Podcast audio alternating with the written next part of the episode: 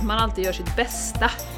Eh, och då ska man ju säga det att det varierar ju beroende på dagsform. Mycket som vi säger Jessica, är man sjuk så är inte det bästa samma som när man är på topp i ägglossningen. Eller hur? Absolut inte. Att, nej, absolut inte. Eh, men att man gör sitt bästa utifrån de förutsättningarna som man har just då. Och då undviker man ju både ånger, liksom att ångra sig, att man liksom inte gjorde tillräckligt bra, självförakt och självkritik. Man känner att ja, men jag har faktiskt gjort mitt bästa i det här. Um, så att den boken var nog första gången jag reflekterade över, över faktiskt, um, att man kan välja hur man reagerar och man kan välja sin inställning, man kan välja sin attityd, ehm, man kan välja att inte ta någonting personligt, till exempel.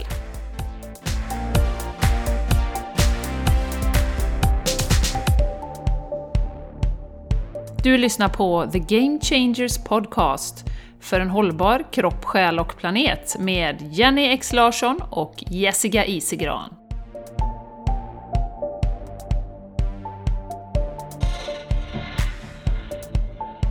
Hej på dig kära lyssnare och välkommen till The Game Changers Podcast!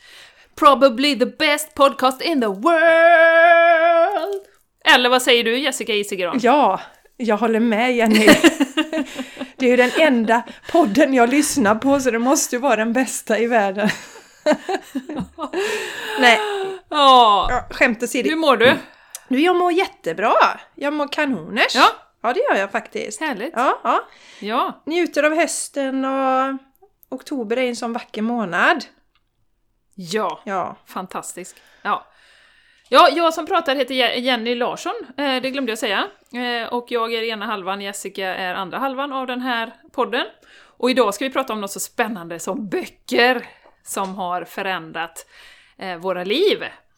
Så en liten shout-out till min mamma då, som lyssnar på podden och som ju har jobbat med böcker hela sitt liv. Det här kommer du gilla mamma. Mm. Ja. Men vi tycker det är jätteviktigt och det är ju faktiskt så att eh, de här böckerna har ju verkligen ändrat våra inriktningar på livet och gett oss nya insikter, så vi ville dela det med er. Men först Jessica! Ja. Hösten, magiska hösten. Ja. Vad händer Landvetter ja, ja, Landvetter. Nu? Ja, vi sitter ju på olika platser idag faktiskt. Så får vi merga det här avsnittet som vi säger. Men eh, det, det, det, funkar bra det med. Jo, jag tänkte just på det idag. Jag cyklar ju varje dag. Antingen hämtar jag Charlie eller så lämnar jag honom. Vi turas ju om där, jag och min make Mattias. Och idag regnade det och det är första gången som det regnar sedan han började skolan i augusti. Så det är ju jättefräckt tycker jag. Eh, och sen ser man ju också när man har en vana som är inarbetad att alltså, det är bara att ta på sig regnkläderna. Vi vill ju cykla, vi tycker det är en skön start och så. Så det känns bra. Men jag tänkte bubbla om Jenny. Det är väldigt, väldigt länge sedan vi pratade om mens. Ja, där kom den. Ja, ja kör på. Ja, ja. Jenny har saknat Då måste vi ta tillbaka det. Vi måste ta tillbaka det. Ja, ja. Mm. nu måste vi prata om mens igen. Nu kör vi. Mm. Jag tror att en av anledningarna, Jenny, till att jag inte har tänkt på mens så mycket det senaste, det är att jag inte haft mens på tre månader. Och jag är inte gravid. Det kan ju vara det. Jag är inte gravid kan jag säga till lyssnarna. Nej men ni som har följt oss ett tag eh, och naturligtvis också till nya lyssnare, men ni som har följt oss vet ju att jag har varit väldigt intresserad av vad som händer i kvinnokroppen eh, under våran månatliga cykel och också då som också har lärt mig under den här resan. En, en av böckerna som jag läste på resan, men den är inte med idag igen. men just det här med att se alltså hur, eh, hur vi påverkas under menstruationscykeln och hur vi faktiskt kan nyttja oss av det använda vågen när vi, när vi står där, vi har ägglossning och vi känner oss starkast i hela världen och kan få jättemycket gjort. Och sen också då använda den tiden eh, strax efter mens när vi går in i en mer lugnare period och, och tillåta oss att vila så vi får den här balansen som är så viktig. Våran kropp stöttar ju oss i det egentligen. Eh, och eh, så jag funderar, hur ska det bli när när, när mensen försvinner. Jag har gärna gillat de här cyklerna Och det som jag upplever är att, eh, att jag faktiskt upplever lite granna cykler så eh, fortfarande och att när det är dags för mens så kanske jag får lite, lite, lite, lite blod när jag torkar mig. Alltså som en, jag menar, oj då, var det något mm -hmm. litet rosa här? Så har det varit de senaste mm -hmm. tre månaderna. Eh, och, eh, men det som jag vill det, det finns ju så mycket fördomar, så mycket föreställningar Jenny, om detta med klimakteriet som det handlar om. Och jag vill bara säga att jag mår fantastiskt bra. Jag är mm. inte nedstämd, jag är inte liksom arg eller irriterad eller eh, vad är det mer man säger att eh, ja, vad är det mer man brukar säga när man kommer? Jo, att man får massa vallningar och sådär, du vet. Att man svettas och så. Och jag tror ju att det har att göra med att jag sedan eh, ganska många år nu faktiskt har arbetat med det här. Att vara med kroppen. Och naturligtvis ibland så tappar jag ju eh, och eh, blir kanske besviken och försöker pressa på. Men det har ändå varit den här grundläggande inställningen och dessutom kosten jag äter ju en växtbaserad kost sedan 2011 som faktiskt stöttar min kropp i, i olika läkeprocesser. Så den här övergången märks ingenting egentligen. Inga Nej, negativa symptom. Ja, jättespännande och jag vill ju dela detta och jag, alltså jag tror inte att det är en slump Jenny utan jag tror att det är det som är meningen. Eh, att, att, mm. att det ska inte vara någon stor grej egentligen. Eh, men, men att vi lever så långt borta från naturen och så, vi är så, har varit så långt borta från att lyssna på våra kroppar och vara inkännande och sådär. Eh, så att det blir en kamp hela tiden. Nu sitter hon och mm. skrattar här lite Jenny. Eh, sen är det en annan sak som, som jag har funderat på. Hon kommer att tänka på något nu. Eh, nej, sen är det en annan sak jag funderar på som, som, eh, som man säger inom ayurvedan då. Som vi kommer att prata lite grann om idag också. Det är ju att när vi kvinnor går in i sin menopaus så går man in i sin mest kreativa period i livet. Den kallas ju för Vata-tiden och det tycker jag också är superhäftigt. Och det är ju inte mm. sällan man ser kvinnor plocka upp sitt måleri och skapandet och sådana saker. Nu, nu ska vi inte skapa barn längre men vi, alltså vi är ju en skapande varelse och då, då får det mer utrymme, utrymme för annat skapande i livet. Så att jag ser fram emot och har gjort det också den här tiden jättemycket. Så superspännande! Nu vet inte jag mm. ännu, det kan ju hända att jag får mens något, något tillfälle till men nu är det i alla fall tre månader utan. Mm. Eh, så. så det är spännande tycker jag.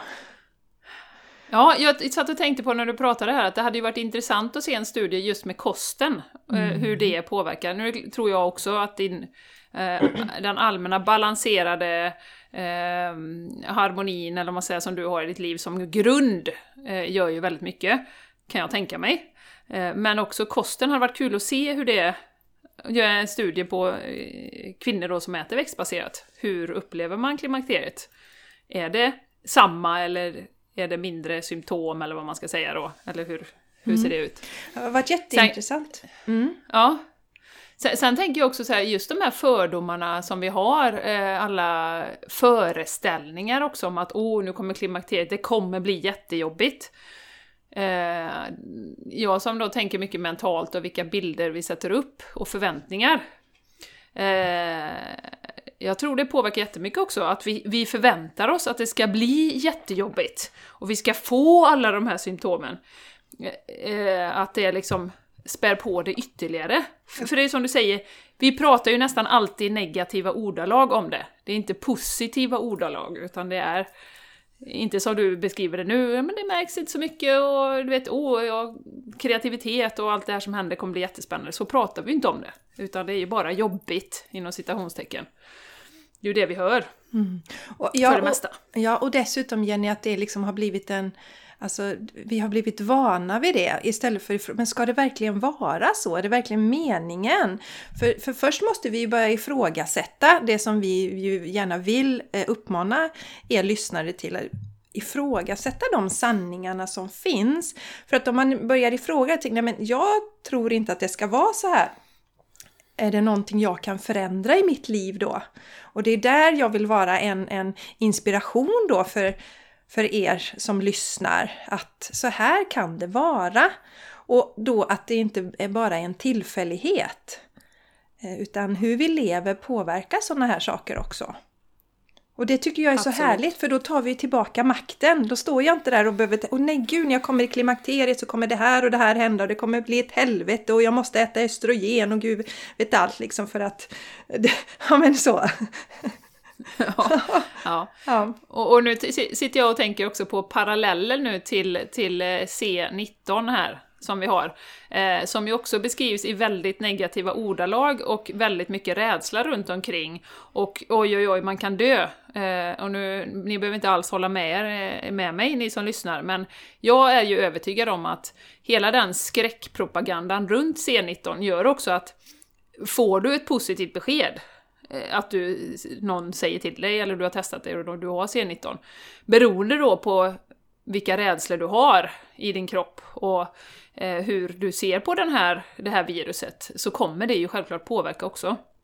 Så att du kanske till och med liksom gör det allvarligare än vad det är, för att de har pumpat oss så fulla med skräckpropaganda runt det här. Lite samma som klimakteriet, fast mindre skala då. Eh, just vad gäller klimakteriet. Eh, så, så det mentala ska vi ju absolut inte underskatta runt det här och vad vi har för föreställningar och förväntningar kring vad det än kan vara. Det påverkar oss jättemycket. Ja, och där är jag ju jättetacksam för att jag har tagit in att andra människor har delat med sig, att det är andra kvinnor då som har gett den här bilden som gör att okej, okay, där är en väg jag kan gå. Den är mycket mer intressant. Den vägen vill jag gå. Jag vill inte gå den vägen med att det är hemskt och det är, jag är en sämre kvinna för att jag inte har mens och allt. Nej, den vägen jag är helt ointresserad Jag vill gå den här vägen. Så att ja, eh, jätteviktigt ja. som du säger Jenny. Eh, vilken väg vill ja. jag gå i mitt liv? Mm. Ja, precis. Precis. Ja, vad, vad spännande! Ja. Det ser vi fram emot att följa den resan då. Ja, jättespännande. Framåt. Ja, verkligen. Jättespännande. Och vad, vad händer hos dig Jenny då? vad händer hos mig? Ja. Jo, jag, jag har eh, fått lite insikter här då det senaste och ehm, eh, det som har varit min, eh, eh, mitt fokus under september kan man säga. Eh, vi har ju pratat om det lite tidigare, att eh, jag är ju lite otålig, vill gärna att saker och ting ska hända. Ehm, precis som du sa mycket riktigt här Jessica, för några avsnitt sen. Att det är ju inte bara prestation, utan att eh, det här med tålamod och att verkligen vänta in saker, rätt timing liksom på saker och ting. Det kan jag eh, säga i teorin, men jag har väldigt svårt för det i verkligheten. Så jag har ju faktiskt, eh, som jag delat, gjort meditationer nu som handlar om eh, eh, ja men överflöd, att liksom allting flödar, det kommer till mig i rätt tillfälle och sådär. Och framförallt då fick jag, jag fått till mig meditation, att också släppa, eh, vad ska man säga, släppa attachment, vad heter det Jessica? Att man är så himla upphängd på... Jag vet, jag kan liksom inte det svenska ordet. Nej. Attachment. Ja. Eh, man är så fast vid ett speciellt eh, resultat ja, på saker och ting. Ja, precis. Ja, men det är väl en bra... Ja, det är det ja. jag vill säga. Ja. Eh, och eh, det har kommit så himla tydligt i, i uh, meditationer att, uh, ja men liksom, släpp bara. Bara släpp, låt det flöda, bara släpp, släpp bara, låt det flöda. Uh, så det har jag fokuserat jättemycket på. Att bara liksom, på. Och det kan ju vara allting från liksom aktiviteter som man har till saker som ska ramla in i verksamheten och saker som ska hända i livet och sådär. Och har då gjort, gjort detta under september och verkligen bara tagit det chill liksom. Och eh, nu då, när jag verkligen känner att ja, men nu har det landat i mig, liksom det här. Verkligen lugnet. Lugnet och liksom så. För det har ju också med tillit att göra. Och att man inte fastnar i det här, i det här bristtänkandet. För jag menar, det här med överflöd är ju att jag litar på att det kommer komma till mig ändå. Jag behöver inte liksom spara ihop x antal eh, pengar och sen kan jag göra det. Då. Eh, utan, nej men jag gör den investeringen nu och sen kommer det lösa sig. Och har jag inte det mindsetet, då har jag ju fortfarande ett bristtänk. Eller hur? För jag tror inte på att det kommer lösa sig. Utan då måste jag liksom spara ihop 10 000 innan jag kan investera 5 000 i det. Vad det nu kan vara då. Så där har jag liksom fångat mig själv några gånger så att, ja men jag, fan jag har lite kvar av brist där liksom. När jag liksom ja, men jag tänker ändå, jag litar inte riktigt fullt ut på det här flödet i universum, utan jag, jag nej, mm, sådär. Eh, så jag har suttit med det eh, då, mycket. Och eh, verkligen känt att det är som en liten... Och det har släppt, släppt, släppt, släppt, släppt, släppt. Och jag kan ju inte säga att jag är helt färdig liksom, det är man ju inte, blir man ju inte. Men verkligen satt fokus och medvetenheten på det. Och eh, då blir det ju så att när man, när man släpper greppet så flödar energin. Eh, så nu helt plötsligt på bara liksom några dagar så har det ju rasat in, jag berättar för dig Jessica, jag ska ha ett möte här, ett, ett jätteroligt uppdrag eh, som jag kommer göra förmodligen och eh, jag har landat min första företagsyoga. Fick jag besked förra veckan.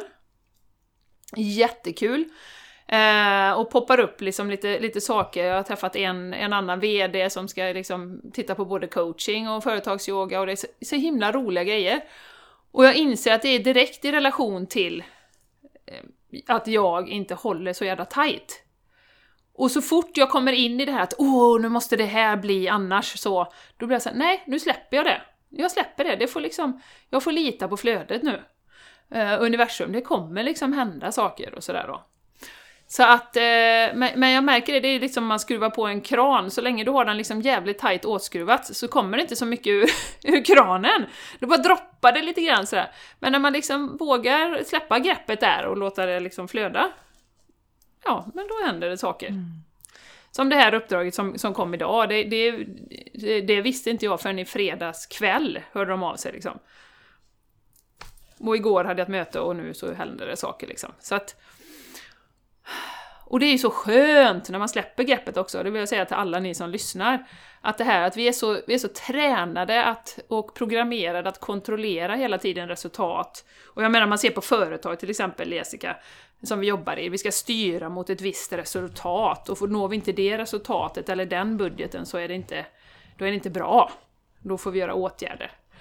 Eh, så att omprogrammera sig själv där är ju en... Men det, det är ju som jag ser också som en del av det här uppvaknandet som vi är inne i nu. Så vi måste verkligen lita på våra egna resurser, handlar det om också. Och lita på att okej, okay, när jag faktiskt öppnar upp för allt och inte är så fokuserad på en grej, ja men då öppnar jag alla dörrar runt omkring. Liksom. Så att det har varit mycket så i, i mitt huvud och har kommit i olika former till mig här det senaste. Uh, så att det, det, är verkligen... Uh, som vi har pratat om några gånger också Jessica, att i teorin förstår man det. Men du har inte riktigt fattat det i verkligheten. Nej. och då gäller det att hitta något systematiskt så att man kan faktiskt komma igenom på riktigt. Ja, och Jenny, det är ju också därför du ham eller vi, vi hamnar i de här, för att det är som du säger, vi kan prata om det i teorin, men sen när vi väl, nu, nu har du ju fått uppleva detta, när du verkligen kände att jag vill få in massa saker, jag vill att det ska hända grejer så här, och det här som du säger krampaktigt. Och när vi håller mm. fast vid någonting så, så hindrar vi verkligen som du säger den där energin. Då kan ju inte universum gå in och göra någonting för vi är så krampaktiga. Ja. Men, men att men att det, och, och, jag, och det är därför som man får se då istället för att tänka eh, Jenny att du har tänkt så här och känt dig liksom misslyckad nu för att du inte hade detta från början. Men du behövde den här september för att verkligen få det att landa i dig.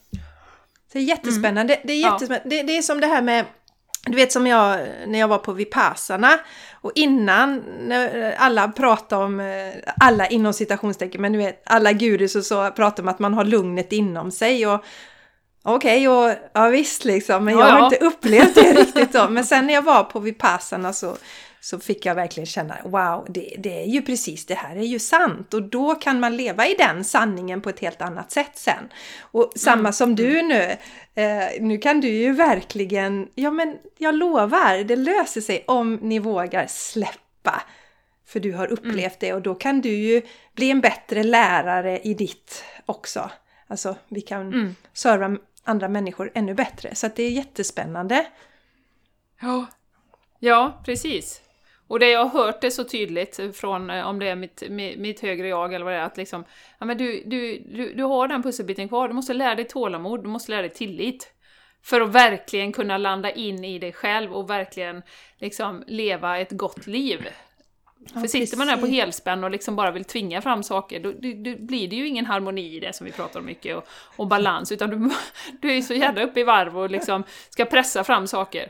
Ja men Eh, precis. Utan tålamod och tillit. Mm. Det, det är liksom det är A och O för att Ja. man ska kunna leva ett riktigt, riktigt bra liv. Mm. Mm. Jättekloka ord Jenny, jättebra. Jag tackar så mycket, tack!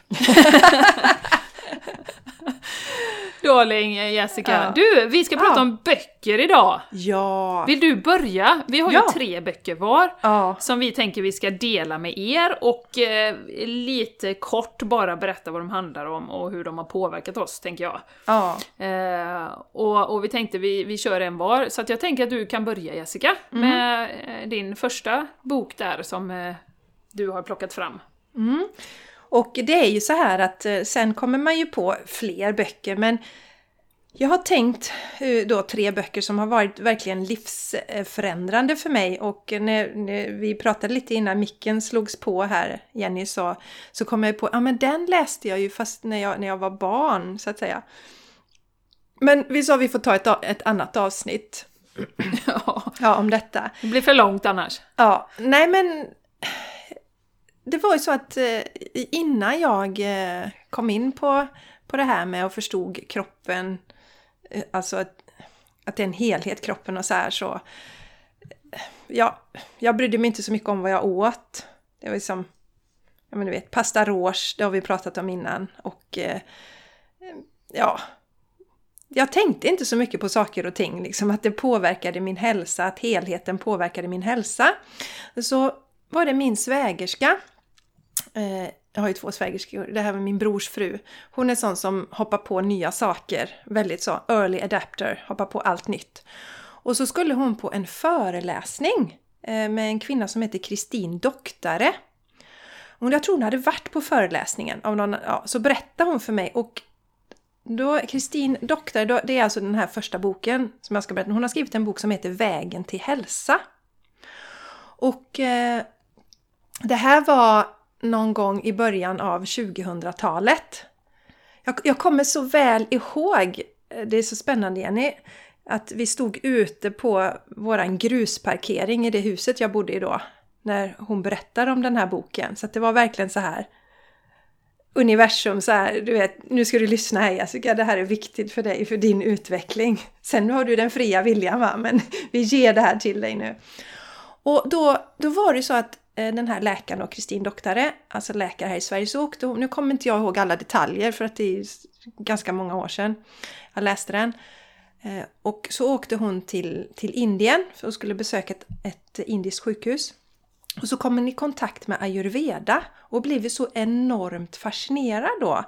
Hur man inom ayurvedan verkligen ser till helheten. Man tittar på det här med alltså, att vi sover ordentligt, eh, att maten som vi äter stöttar oss i läkningsprocesser och, och hela det biten. Och hon hon tog en ayurvedisk behandling där själv och blev av med sin tinnitus bland annat det som man inom västvärlden säger att det liksom inte går ungefär då. Så hon lärde sig, undrar om inte hon blev av med, med allergier också i detta. Eh, Och, och, och jag blev ju enormt fascinerad. Så det var första gången jag kom i kontakt med ayurveda.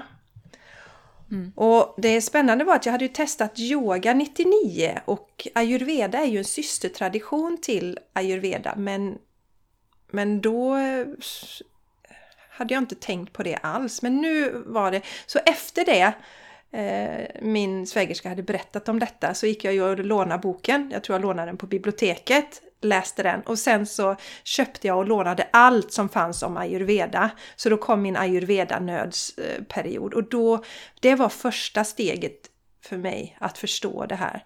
att matsmältningen och, och jag började då, fick ordning på min sömn till exempel. För jag har, hade ju sovit dåligt men inte riktigt kunnat få bukt på det. Då har du ju olika tekniker inom ayurveda för att få ordning på sömnen. Så applicerade jag det och så. Så den, Kristin Doktares bok Vägen till hälsa, den var mm. en sån dörröppnare för mig, verkligen. Ha, det var första. Jenny! Bok över, ett! Bok ja, över till dig. Mm. Intressant, för jag har ju inte alls, eh, inser jag nu, och det, det, är ju där vi är olika, jag har ju inte alls tagit den eh, vägen via kroppen på samma sätt.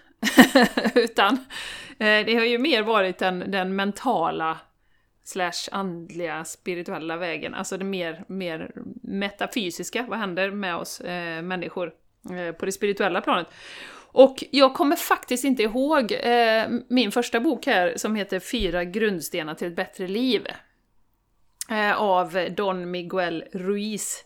Eh, hur den kom till mig, det, det kommer jag inte ihåg, men det var väldigt länge sedan eh, som jag läste den. Och det var mitt första, eh, såhär, alltså börja reflektera över våra liv, mycket det som vi gör i podden Jessica, att ifrågasätta och eh, faktiskt eh, se bortom det här dagliga automatiska som vi lever i.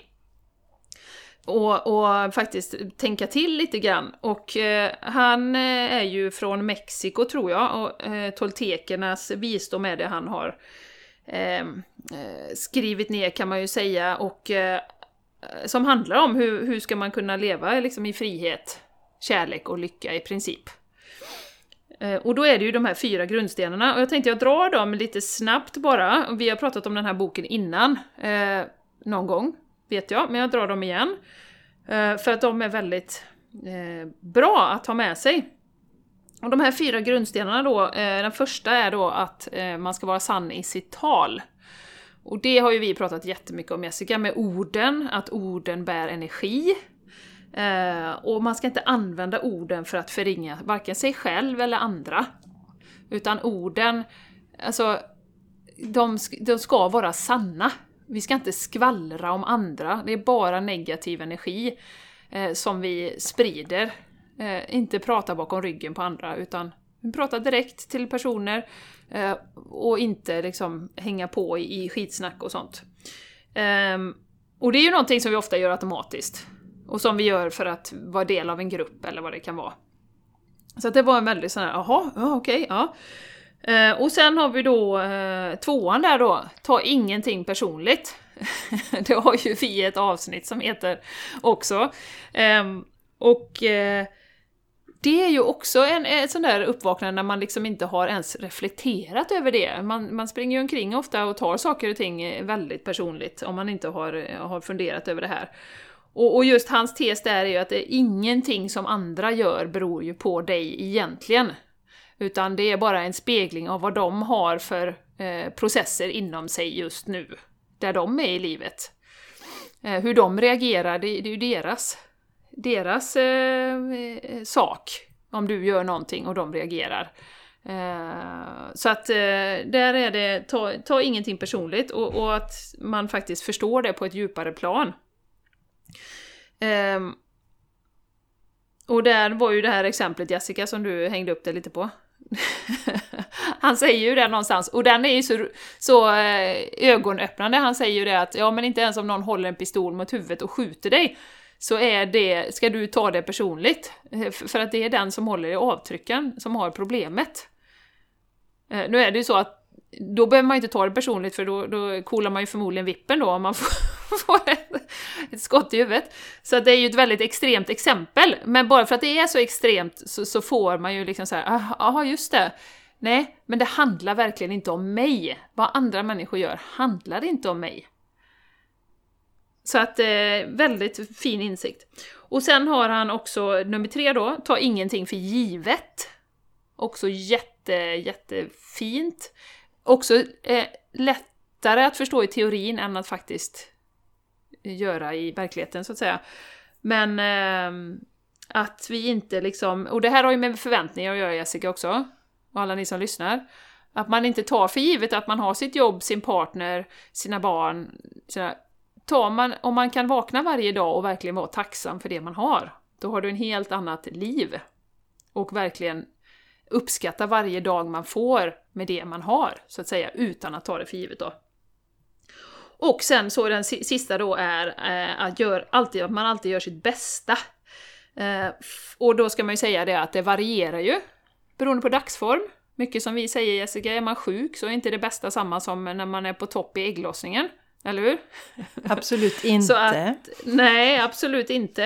Eh, men att man gör sitt bästa utifrån de förutsättningarna som man har just då. Och då undviker man ju både ånger, liksom att ångra sig, att man liksom inte gjorde tillräckligt bra, självförakt och självkritik. Och man känner att ja, men jag har faktiskt gjort mitt bästa i det här. Ehm, så att den boken var nog första gången jag reflekterade över, över faktiskt, att man kan välja hur man reagerar och man kan välja sin inställning, man kan välja sin attityd, eh, man kan välja att inte ta någonting personligt, till exempel. Så att, eh, ja, väldigt ögonöppnande bok eh, för mig då. Mm. Mm. Häftigt! Och du har kvar den fortfarande Jenny, va? I bokhyllan? Jag har kvar den. Jajamän. Mm. mm. Ja Jessica, ska vi ta mm. din nummer två då? Ja, ja som mm. sagt det är ju jättespännande här Jenny att, att eh, för mig var det verkligen kroppen. Jag var ju intresserad av det spirituella redan, alltså det har vi pratat i något avsnitt att jag läste någon bok om, om reinkarnation och så ganska tidigt. Men eh, ja, men kropp, alltså det var kroppen som var vägen in till att verkligen förändra mitt liv så att säga. Eh, sen så 2011 så hade jag ju något skumt virus som gjorde att jag blev väldigt, väldigt sjuk. Och jag har tänkt på detta igen lite så här att eh, då var det ingen som stängde ner hela, hela världen. Och jag hade inte velat Nej. det heller.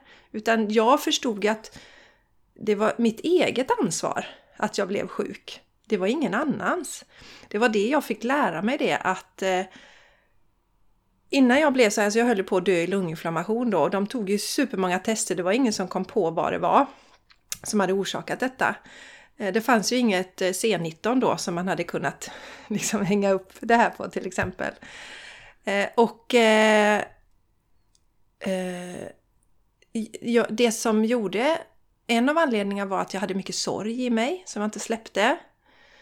Eh, jag sov inte tillräckligt. Jag hade glömt det här med att... Liksom, ja, men jag, jag körde yoga, gick upp varje morgon klockan fem i ur och skur och gjorde yoga. Oavsett om jag var trött eller inte. Jag lyssnade inte på kroppen.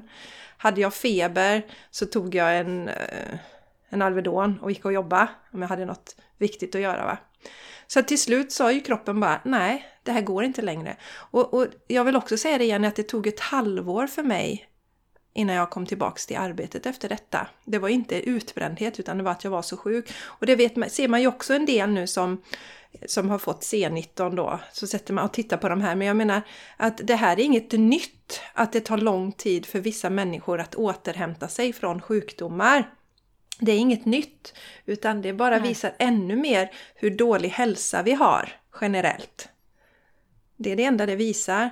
Så i alla fall, det som hände då, det här var ju på vårkanten och så började jag ju ännu mer så, men jag visste ju att det var någonting med kroppen och nu var det dags att verkligen ta tag i det på allvar. Så jag, jag googlade och jag letade information och sådär. Så hittade jag ju en kille som bara åt frukt.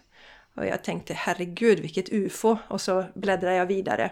Och sen kom jag då tillbaks till hittade en kille som eh, jättespännande då som heter David Klein. Eh, det var alltså 2011 som eh, hade problem då med eh, sån här blödande tarmsjukdom.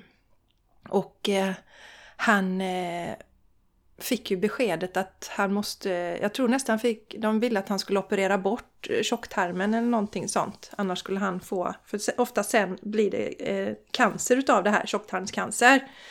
Men han, mm. hela hans kropp kände att det här går inte. Det här skriver han då i sin bok som heter eh, Self-Healing Colitis and Crohns. Att eh, det, det skrek i honom, det, det kändes bara fel. Och då hade han någon naturläkare eller så i sin närhet som han kontaktade. och som då pratade om ja, men kosten, att du behöver lägga om din kost. Så den här boken då är upplagd så att man först börjar med eh, alltså grönsaksjuicer tills det har lugnat ner sig. Och det var ju så här att, det har jag inte berättat nu, men jag har ju alltid haft eh, känslig mage. Haft ont i magen sedan jag var liten. Och det var också så här, man inte ens reflekterar över det. Det var ett naturligt tillstånd. Man har ont i magen till och ifrån. Det är helt normalt och väldigt, väldigt lös avföring. Och jag var ju i den traditionella vården, men det fanns ju ingen som kunde hjälpa mig med det. Utan det är som, de vill gärna sätta en diagnos, IBS eller något annat och sen, sen händer inget mer. Ja, men i alla fall så eh, då ska man börja josa och jag, det intressanta var att redan från dag ett så blev ju, kände jag ju mig bättre i min mage. Så man juicar grönsaksjuicer och sen så eh, när magen då har lugnat sig och mår bra så går man över till att äta frukt. Eh, och sen ångkokta grönsaker på kvällen. Så det här gjorde jag ju då i två års tid, Jenny. Sen blev jag mm. gravid och då behövde jag äta lite lagat för att man, ni som har varit gravida vet att man har en bebis som tar väldigt stor plats och så ska man då bara äta frukt. Man kan bara äta en liten mängd och frukt är inte så kaloritätt. Så, att, eh, så då började jag äta lite lagat när jag väntade Charlie.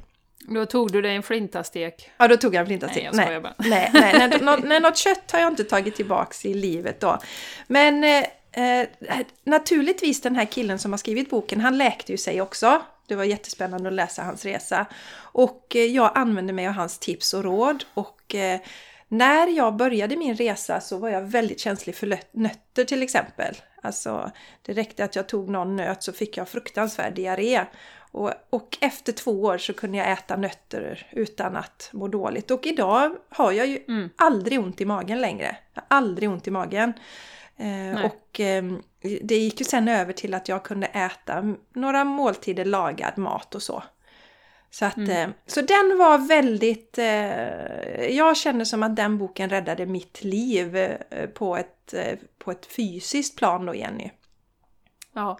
Rekommenderar du den till, till alla eller till alla som har magproblem? Jag liksom rekommenderar... Liksom Alltså, så här skulle jag vilja säga. nu finns det ju någonting som också, jag rekommenderar verkligen den här till alla som har dåligt immunförsvar och eh, alltså allmänt dålig hälsa. Så jag rekommenderar att, att, om ni känner er dragna till den som alltid känner wow, wow, gud vad intressant, då, då ska ni skaffa den boken. Sen är det ju så att idag mm. finns det ju en kille som heter Anthony Williams som ju Therese också berättar om, som ju gästade oss här eh, för några avsnitt mm. sen. Mm. Eh, som kallas för Medical Medium och eh, det intressanta är ju att hade jag behövt den här läkningen idag så kanske jag hade attraherat hans böcker istället. Men de fanns inte på den tiden, Jenny. Eh, så att säga. Men det som David Klein berättar om är helt i linje med det. Det var därför jag också känner att det resonerar mig också, det som Anthony Williams pratar om. Alltså det är just det här att en, ja, en, en, en ren oprocessad växtbaserad kost med mycket frukt är väldigt läkande för alla. Är min övertygelse då. Så att eh, känner du att du har kämpat med hälsa och inte riktigt hittat någonting så absolut. Jag rekommenderar varmt den mm. boken. Den hjälper ju alla. Det är, alltså, det här är ju en, jag vet att många säger eller jag har fått höra det var bra att du har hittat något som funkar för dig men eh, min övertygelse är att, och jag, under den här tiden var jag ju med i många sådana här fruktgrupper Jenny, bland annat en som heter... fruktgrupper! Ja, som heter 30 bananas a day, alltså 30 bananer om dagen, för att liksom provocera lite. Och den läkningen, ja, men, men den läkningen som jag såg hos andra människor på, men, på det mentala planet, på det fysiska mm. planet, var människor som var notoriskt underviktiga då, eh, som kom till normalvikt, överviktiga som, som gick ner i vikt, deprimerade människor, människor med bipolära sjukdomar och sånt där. Va? Så att eh, det, det finns mycket läkning i det, så att känner man sig dragen så Shoot, tycker jag. Ja, det var min Shoot. andra bok, darlingen. Vad har du nu på din eh, läslista? Vad har jag då? Jo då. Ja, jag har ju en bok som säkert några av er har läst kan jag tänka mig. Eh, Den heter The Power of Now. A Guide to Spiritual Enlightenment. Eh, Det är alltså Eckart Tolle som har skrivit den här, en tysk man som... Han var hemlös ett tag tror jag och satt på en bänk och bara tittade på folk och betraktade. eh, Så. Det var också jättelänge sedan jag läste den här boken nu. Eh, Så jag kommer inte ihåg i detalj, men jag kommer ihåg att, för, för den handlar ju väldigt mycket om Ja men den heter ju Power of Now och jag tror på den finns på svenska, då heter den Lev livet fullt ut. Eh, ifall man hellre läser den på svenska då. Och det, var, det är ju också jättemycket om eh, våra tankar och det här eh, oupphörliga chattret vi har i huvudet. Och det hade inte jag reflekterat sådär jättemycket över heller. Eh, det som pågår inne i huvudet. Och det blir ju väldigt tydligt. Han beskriver ju det någon gång där. Typ att, ja men tänk, du vet han, han såg någon som var lite halv, halvgalen som gick på stan och pratade med sig själv hela tiden liksom. Och det är i princip det vi gör, bara att vi pratar inte ut ehm, eh, högt hela tiden då. Eh, så Power of Now var ju, den är ju... Det är ju ingen bok man läser på en eftermiddag, så kan man säga. Den är ganska djupt filosofiskt, skulle jag beskriva den. Särskilt om man läser den på engelska då. Eh, men det finns så mycket i den, eh, tycker jag, eh, om det här med hur vi lever våra liv och att, eh, att det är egentligen bara i nuet som vi kan leva livet och är vi, har vi ångest så, eller oro så är det för att vi är i framtiden och håller på att måla upp scenarier och är vi deprimerade eller ledsna så är det för att vi spelar upp någonting som har hänt i, i eh, det förflutna. Eh, så där var också någon form av polett som ramlade ner hos mig. Ehm, att, att verkligen, ja men verkligen eh, nuet är liksom nyckeln till att leva ett bra liv också. Det är bara där vi kan leva det. Eh, och när jag pratar om den här boken så vill jag också säga att det finns ju massa klipp med Eckart Tolle på, på nätet.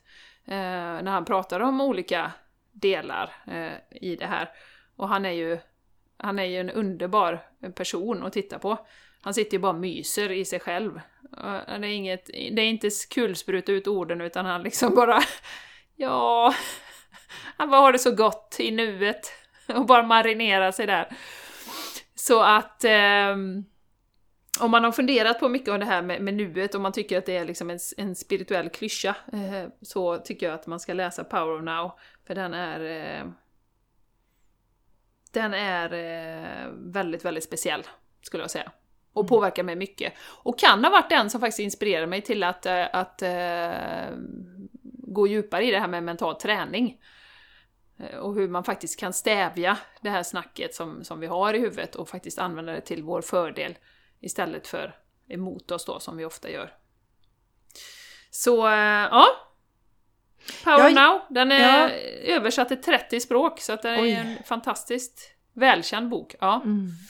Jag, jag säger det Jenny också, precis som du sa, det är ingen man sträckläser. Utan man läser... Och jag upplevde faktiskt, eh, för att jag...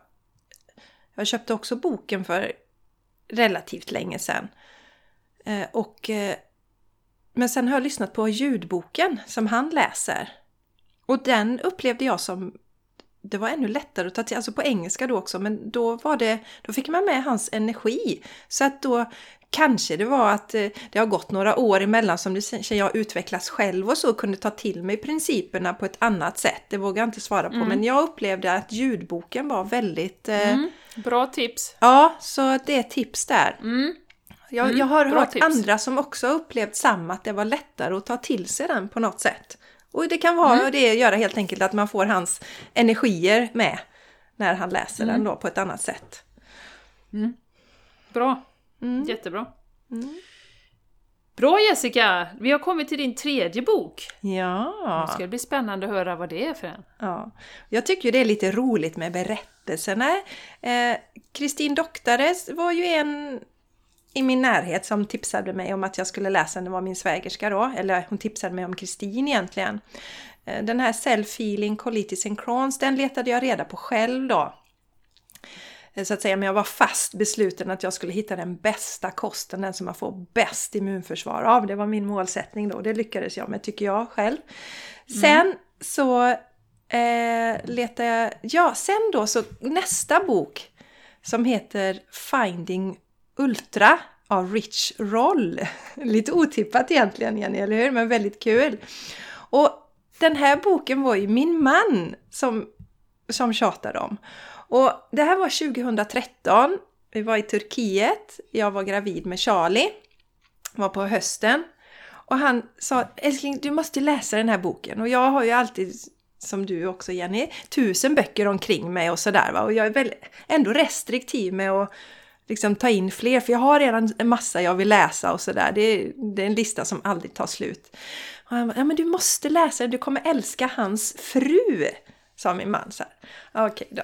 Och så börjar jag läsa och eh, det handlar ju då om Rich Roll som är i 40-årsåldern och eh, ska gå upp för trappan och så känner han att han får andnöd och han jobbar ju som advokat eh, 80 timmar i veckan ungefär.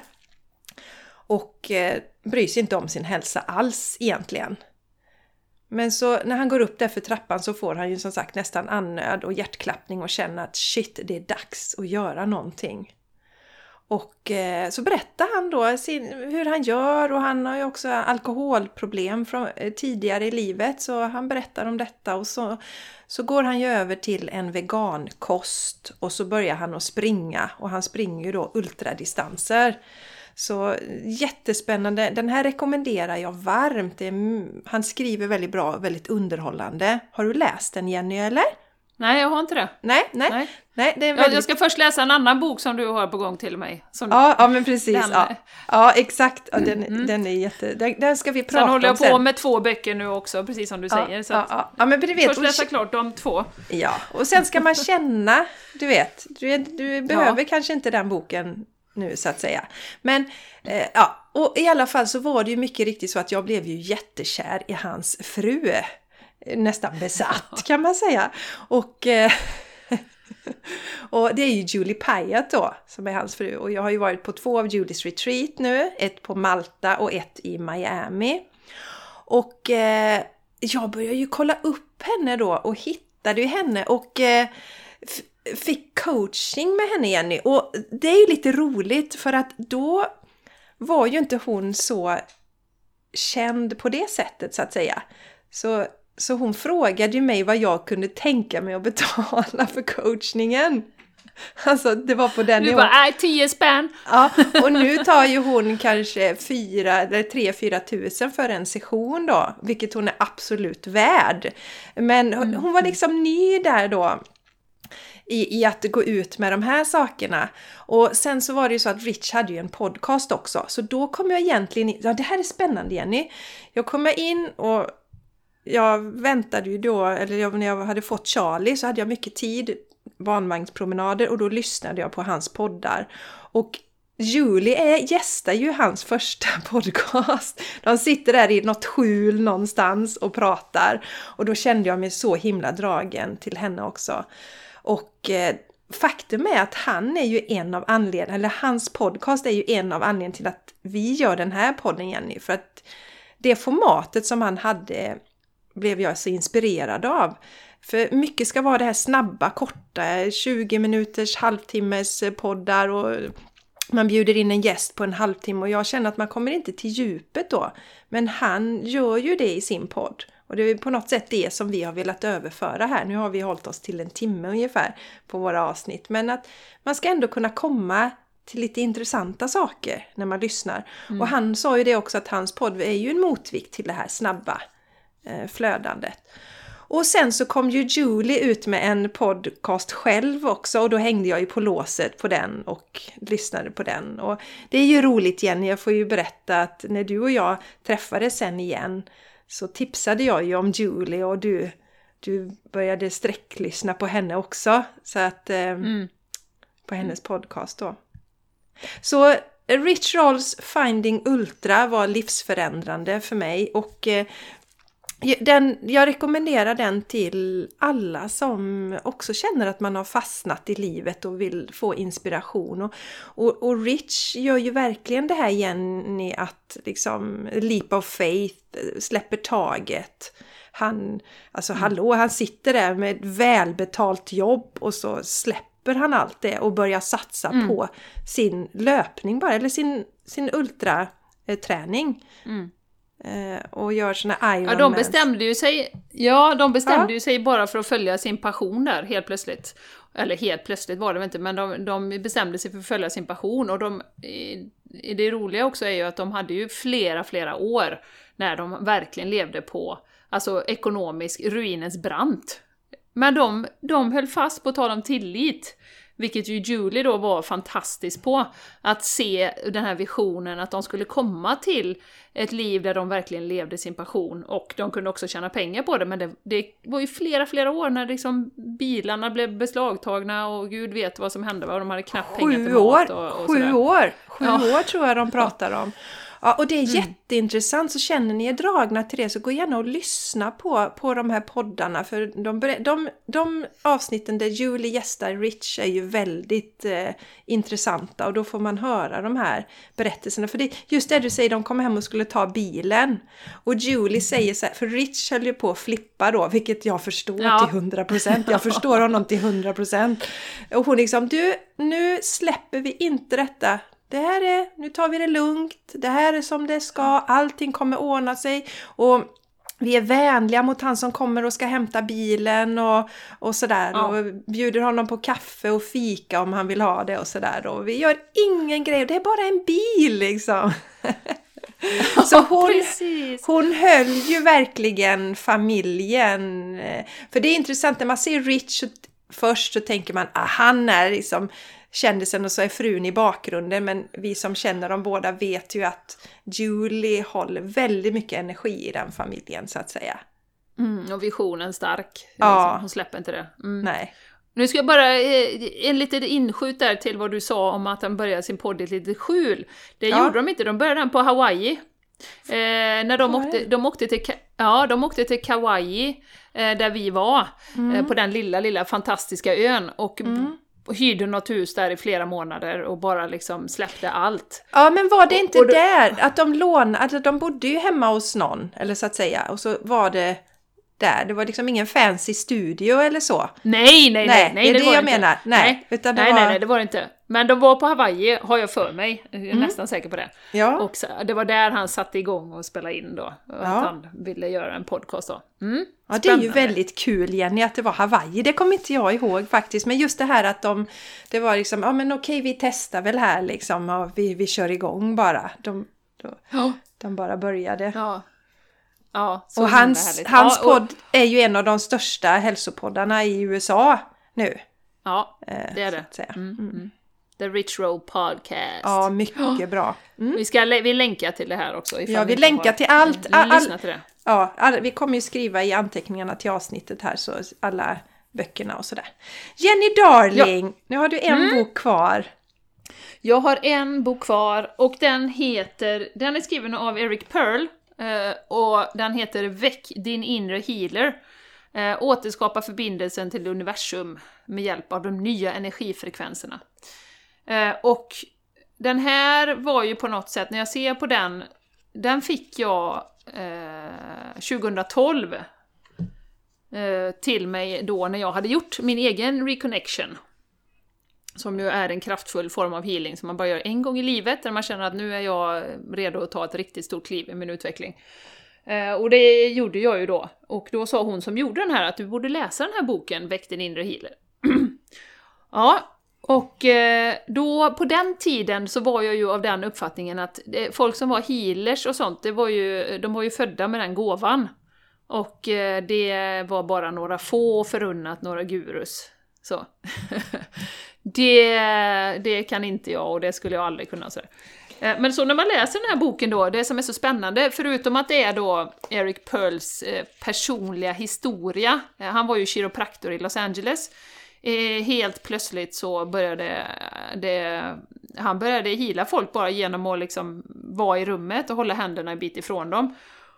och de började rapportera om att, du vet de kommer för att de hade ont i ryggen och sen började de rapportera att de hade eh, ja, men läkt sin eh, mage eller vad det nu kunde vara då. Så att det hände andra saker också. Eh, och det tog ju flera år innan han berättade om detta, för han visste ju själv inte vad det var. Eh, och varför det hade kommit till honom just nu då. Så hela hans historia i sig är väldigt fascinerande. Um, och hur han så småningom uh, gick ut med det och han har ju varit väldigt så här, forskningsinriktad så då, han vill ju bevisa och han ville att det här skulle dokumenteras så att det har ju gjorts säkert ett dussintal studier på Reconnective Healing då. Eh, och men hela hans historia i sig är jättespännande. Men sen är det också den här boken en praktisk guide till hur du kan komma igång och eh, eh, känna de här healingfrekvenserna. Hur det känns, och hur man kan, man kan öva och sådär då. Eh, så för mig just då när jag läste den så var det ju verkligen det här eh, som vi har pratat jättemycket om Jessica, att eh, några få gurusar som vi ser upp till, eh, liksom, den bilden hade jag ju då. Och trodde att, som sagt, att vi, det var några få upphöjda människor som kunde göra fantastiska saker. Men det rasade ju på något sätt då. Eh, för han säger ju det att det här kan alla. Det är mm. bara en fråga om att aktivera det och plocka fram det igen. Um, så både på det här planet med healing, men också på alla andra plan i livet, att det är inte få förunnat. Vill, vill man någonting och du är tillräckligt passionerad och driven så kan du göra det. Uh, oavsett vad det är. Um, så det gav den här boken mig, förutom att jag, jag sen då uh, åkte till Barcelona och utbildade mig uh, inom Reconnective Healing, Eh, så var det verkligen en sån här, jaha, ja alla kan. Vad spännande! Mm. Jaha, vi är alla unika människor, fantastiska, gudomliga, som har det inom oss. Sen att vi eh, under de senaste eh, några hundra åren har trängt undan de här fantastiska förmågorna vi har, både att läka oss själva, men att vi också kan trigga läk läkning hos någon annan. Det, det, det har vi liksom glömt bort. Mm. Så. Så att... Eh, och jag är ju övertygad om att Reconnective Healing är ju en del av det här stora uppvaknandet, att komma tillbaka till balans och komma tillbaka till våran storhet. Liksom. Mm.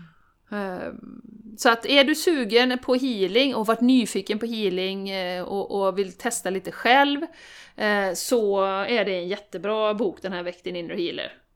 Och även om man liksom känner att Ja men den här, för den här historien är fascinerande om, om Eric Pearl också, lite som Rich Roll, att det, mm. det bara hände ändå och sen så har han, hur hans process var med att förklara allt det här och mm. liksom vad han fick gå igenom för att så småningom nu då vara där han är idag då. Du Jenny, att, eh, mm. ja nu fick jag sån här jädra gåshud genom hela kroppen här. Vi har ju, det, alltså det är så spännande, vi, vi, är ju i det stora uppvaknandet, det har vi ju pratat om, vi har ägnat ett helt avsnitt åt det. Eh, och, och, hur vissa människor liksom, så att säga, eh,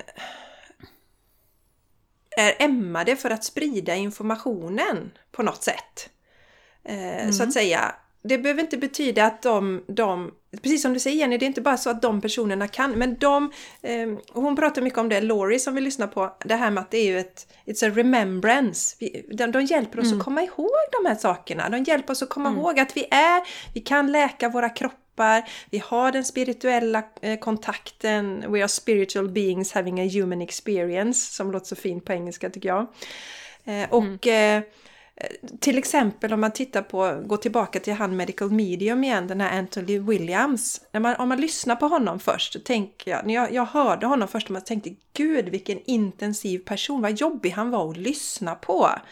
Eh, så uh, jag tog några steg tillbaka, men så läste jag hans bok istället och kände wow, då, då kunde jag liksom ta till mig den essensen på ett annat sätt.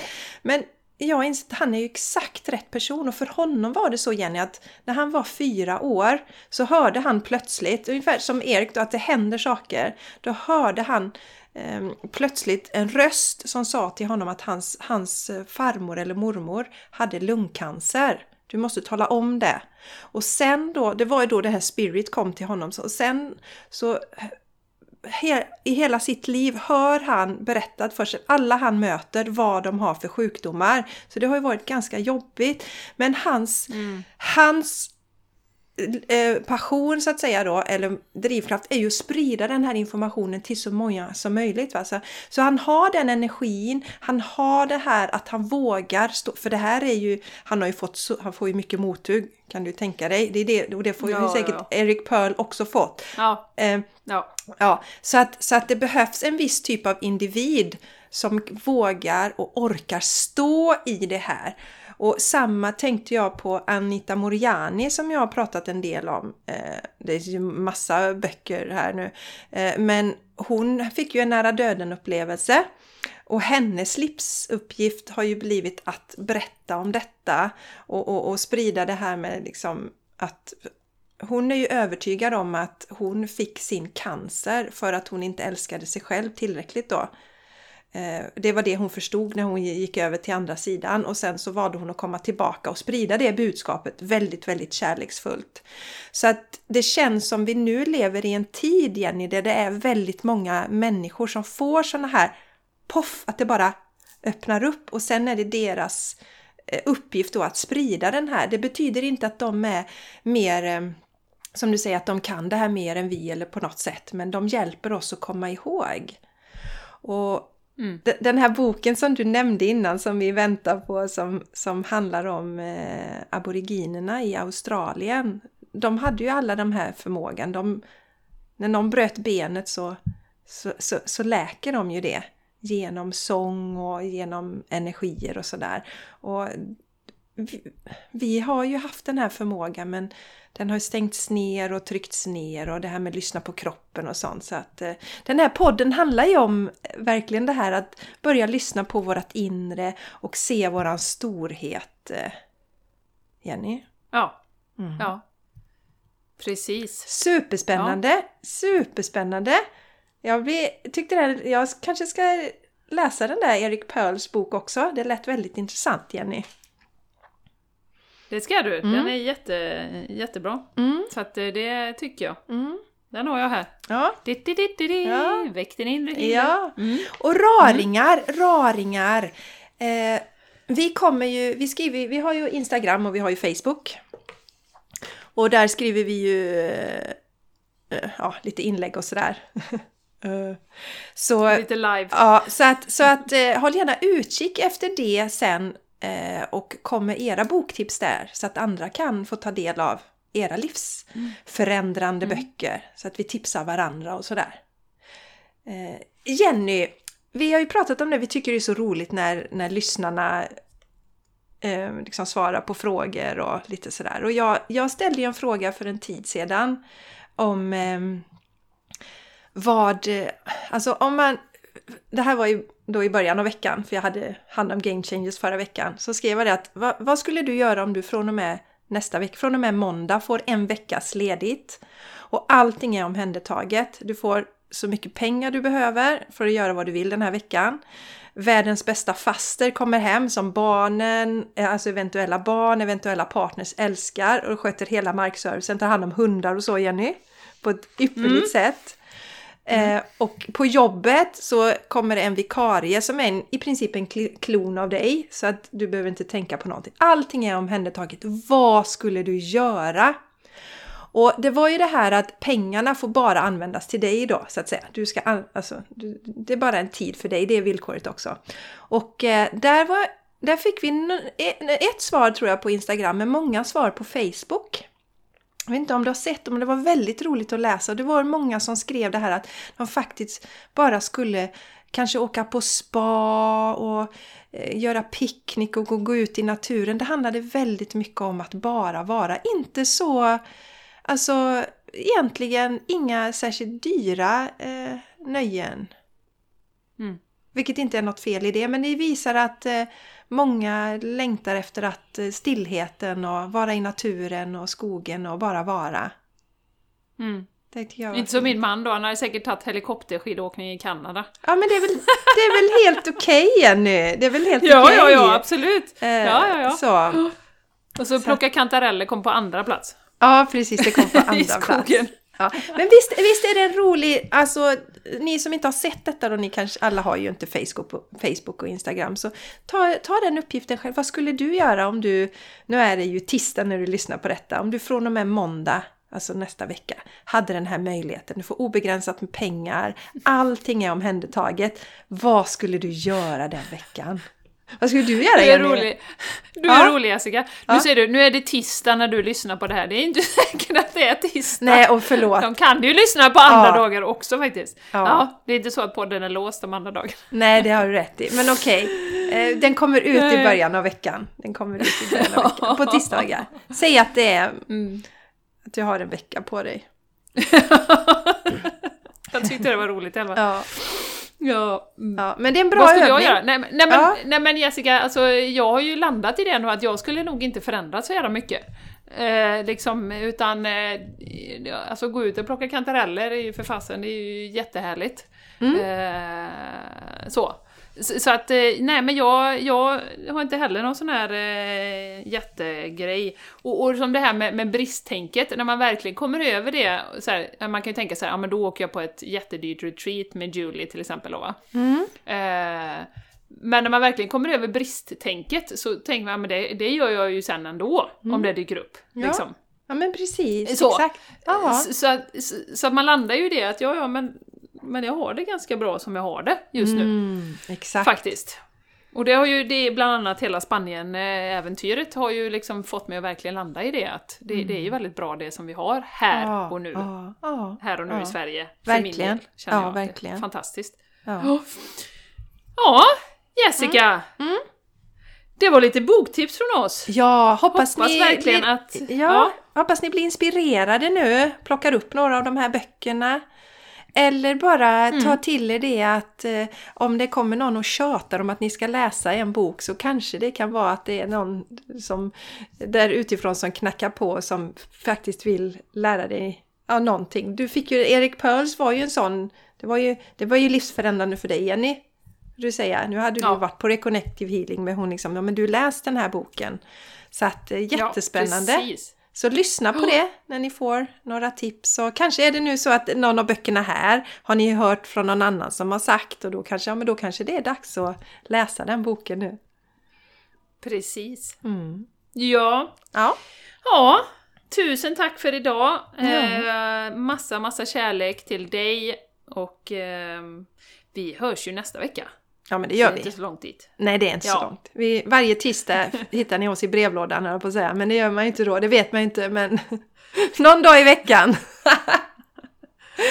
Ja, det är bra Ja. Jessica. Ja. Eh, puss och kram till dig. Och ehm, Ja, och du kära du, kom ihåg, gillar du det här avsnittet så snälla dela, dela, dela. Vi behöver eran hjälp med att dela podden i, på sociala medier med dina vänner. Hjälp oss att dela. Eh, stort tack för det. Mm. Mm. Mm. Puss, Stort puss! det betyder jättemycket. Ja. Puss och kram! Ha det gott! Mwah! Hej då! Vi hörs nästa vecka. Hej då!